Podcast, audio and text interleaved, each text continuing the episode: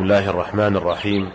إن الحمد لله نحمده ونستعينه ونستغفره ونعوذ بالله من شرور أنفسنا ومن سيئات أعمالنا. من يهده الله فلا مضل له ومن يضلل فلا هادي له. وأشهد أن لا إله إلا الله وحده لا شريك له.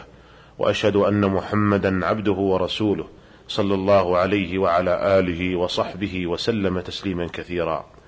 أيها الإخوة المستمعون السلام عليكم ورحمة الله وبركاته.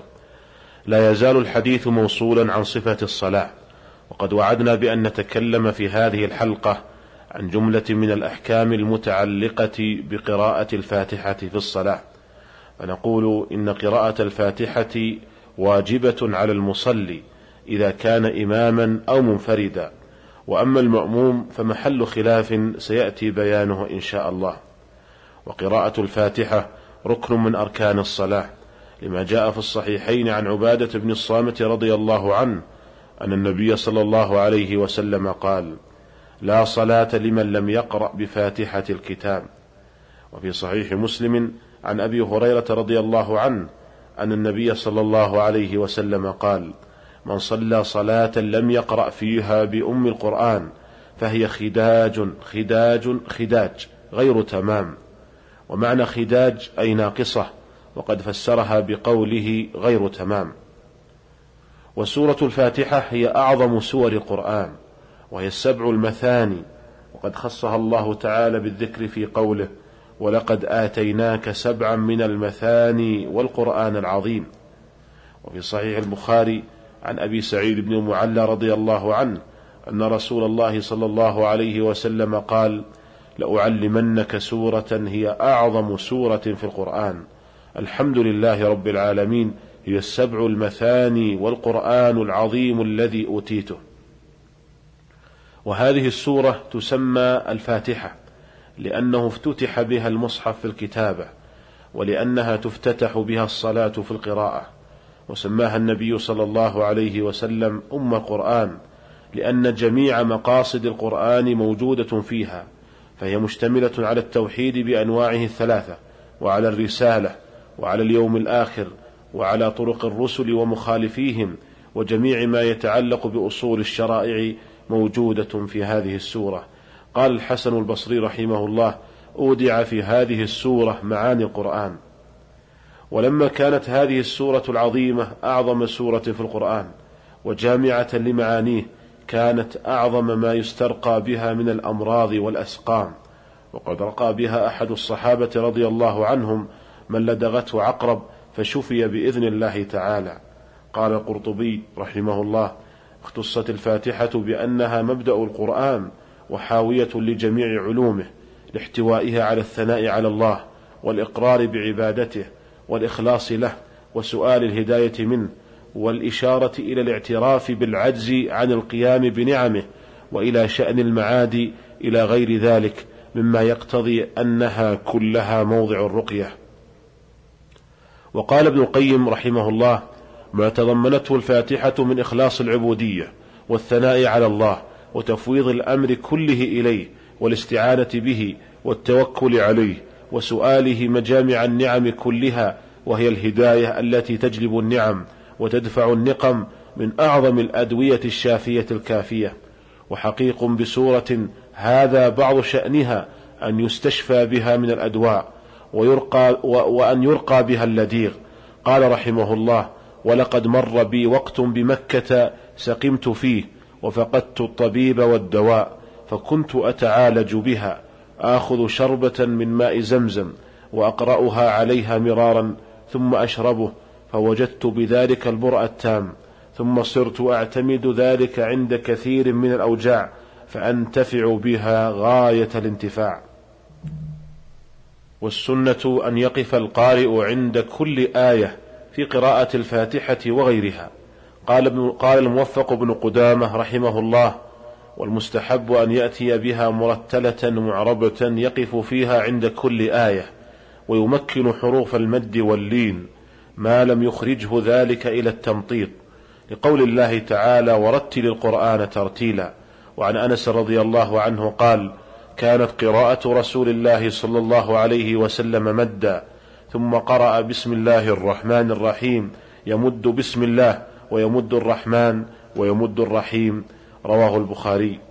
وقال شيخ الإسلام ابن تيمية رحمه الله وقوف القارئ على رؤوس الآيات سنة وإن كانت الآية الثانية متعلقة بالأولى تعلق الصفة بالموصوف أو غير ذلك والقراءة القليلة بتفكر أفضل من الكثيرة بلا تفكر. وهذا هو المنصوص عن الصحابة رضي الله عنهم صريحا ونقل عن أحمد ما يدل عليه. ويلزم أن يقرأ الفاتحة كاملة مرتبة بآياتها وكلماتها وحروفها وحركاتها. فلو أسقط قراءة آية منها لم تصح ولو كان نسيانا بل لو أسقط حرفا منها لم تصح. وكذا إذا لحن لحنا يحيل المعنى لم تصح. ومن أمثلة اللحن المحيل للمعنى أن يكسر الكاف في إياك نعبد فيقول إياك نعبد. ومن ذلك أن يفتح ألف الوصل في اهدنا الصراط المستقيم فيقول أهدنا الصراط المستقيم. أما إذا كان اللحن لا يحيل المعنى فإنها تصح وتجزئ القراءة بها لكن لا يجوز له أن يتعمد اللحن. ومن أمثلة اللحن الذي لا يحيل المعنى أن يكسر الدال في الحمد لله رب العالمين فيقول الحمد لله أو يضم النون في الرحمن الرحيم فيقول الرحمن الرحيم. هذا لحن لا يحيل المعنى وتجزئ معه قراءة الفاتحة. وقراءة الفاتحة ركن في حق الإمام والمنفرد كما سبق وتسقط عن المسبوق إذا أتى والإمام راكع. وهل يلزم المأموم أن يقرأ الفاتحة خلف الإمام أو أن ذلك لا يلزمه؟ هذا محل خلاف بين العلماء. والمشهور من مذهب الشافعية أنه يجب على المأموم قراءة الفاتحة مطلقا أي سواء كان في الصلاة السرية أو الجهرية. وجمهور العلماء على أن ذلك لا يجب عليه. قال شيخ الإسلام ابن تيمية رحمه الله قال قراءة الفاتحة خلف الإمام حال الجهر للعلماء فيه ثلاثة أقوال. قيل ليس له أن يقرأ حال جهر الإمام إذا كان يسمع. لا بالفاتحة ولا غيرها. وهذا قول جمهور السلف وهذا قول الجمهور من السلف والخلف. وهو مذهب مالك وأحمد وأبي حنيفة وغيرهم وهو أحد قولي الشافعي. وقيل بل يجوز الأمران والقراءة أفضل ويروى هذا عن الأوزاعي وأهل الشام والليث بن سعد وهو اختيار طائفة من أصحاب أحمد وغيرهم. وقيل بل القراءة واجبة وهو القول الآخر للشافعي. قال شيخ الإسلام رحمه الله وقول الجمهور أي أنه ليس للمأموم أن يقرأ حال جهر الإمام إذا كان يسمع إذا كان يسمع القراءة. قال هو الصحيح. فإن الله سبحانه قال وإذا قرئ القرآن فاستمعوا له وأنصتوا لعلكم ترحمون. قال أحمد أجمع الناس على أنها نزلت في الصلاة. وقد ثبت في الصحيح من حديث أبي موسى رضي الله عنه عن النبي صلى الله عليه وسلم أنه قال إنما جعل الإمام ليؤتم به فإذا كبر فكبروا وإذا قرأ فأنصتوا وإذا كبر وركع فكبروا واركعوا. الحديث. فقد أمر الله ورسوله بالإنصات للإمام إذا قرأ. وجعل النبي صلى الله عليه وسلم ذلك من جملة الائتمام به فمن لم ينصت له لم يكن قد ائتم به.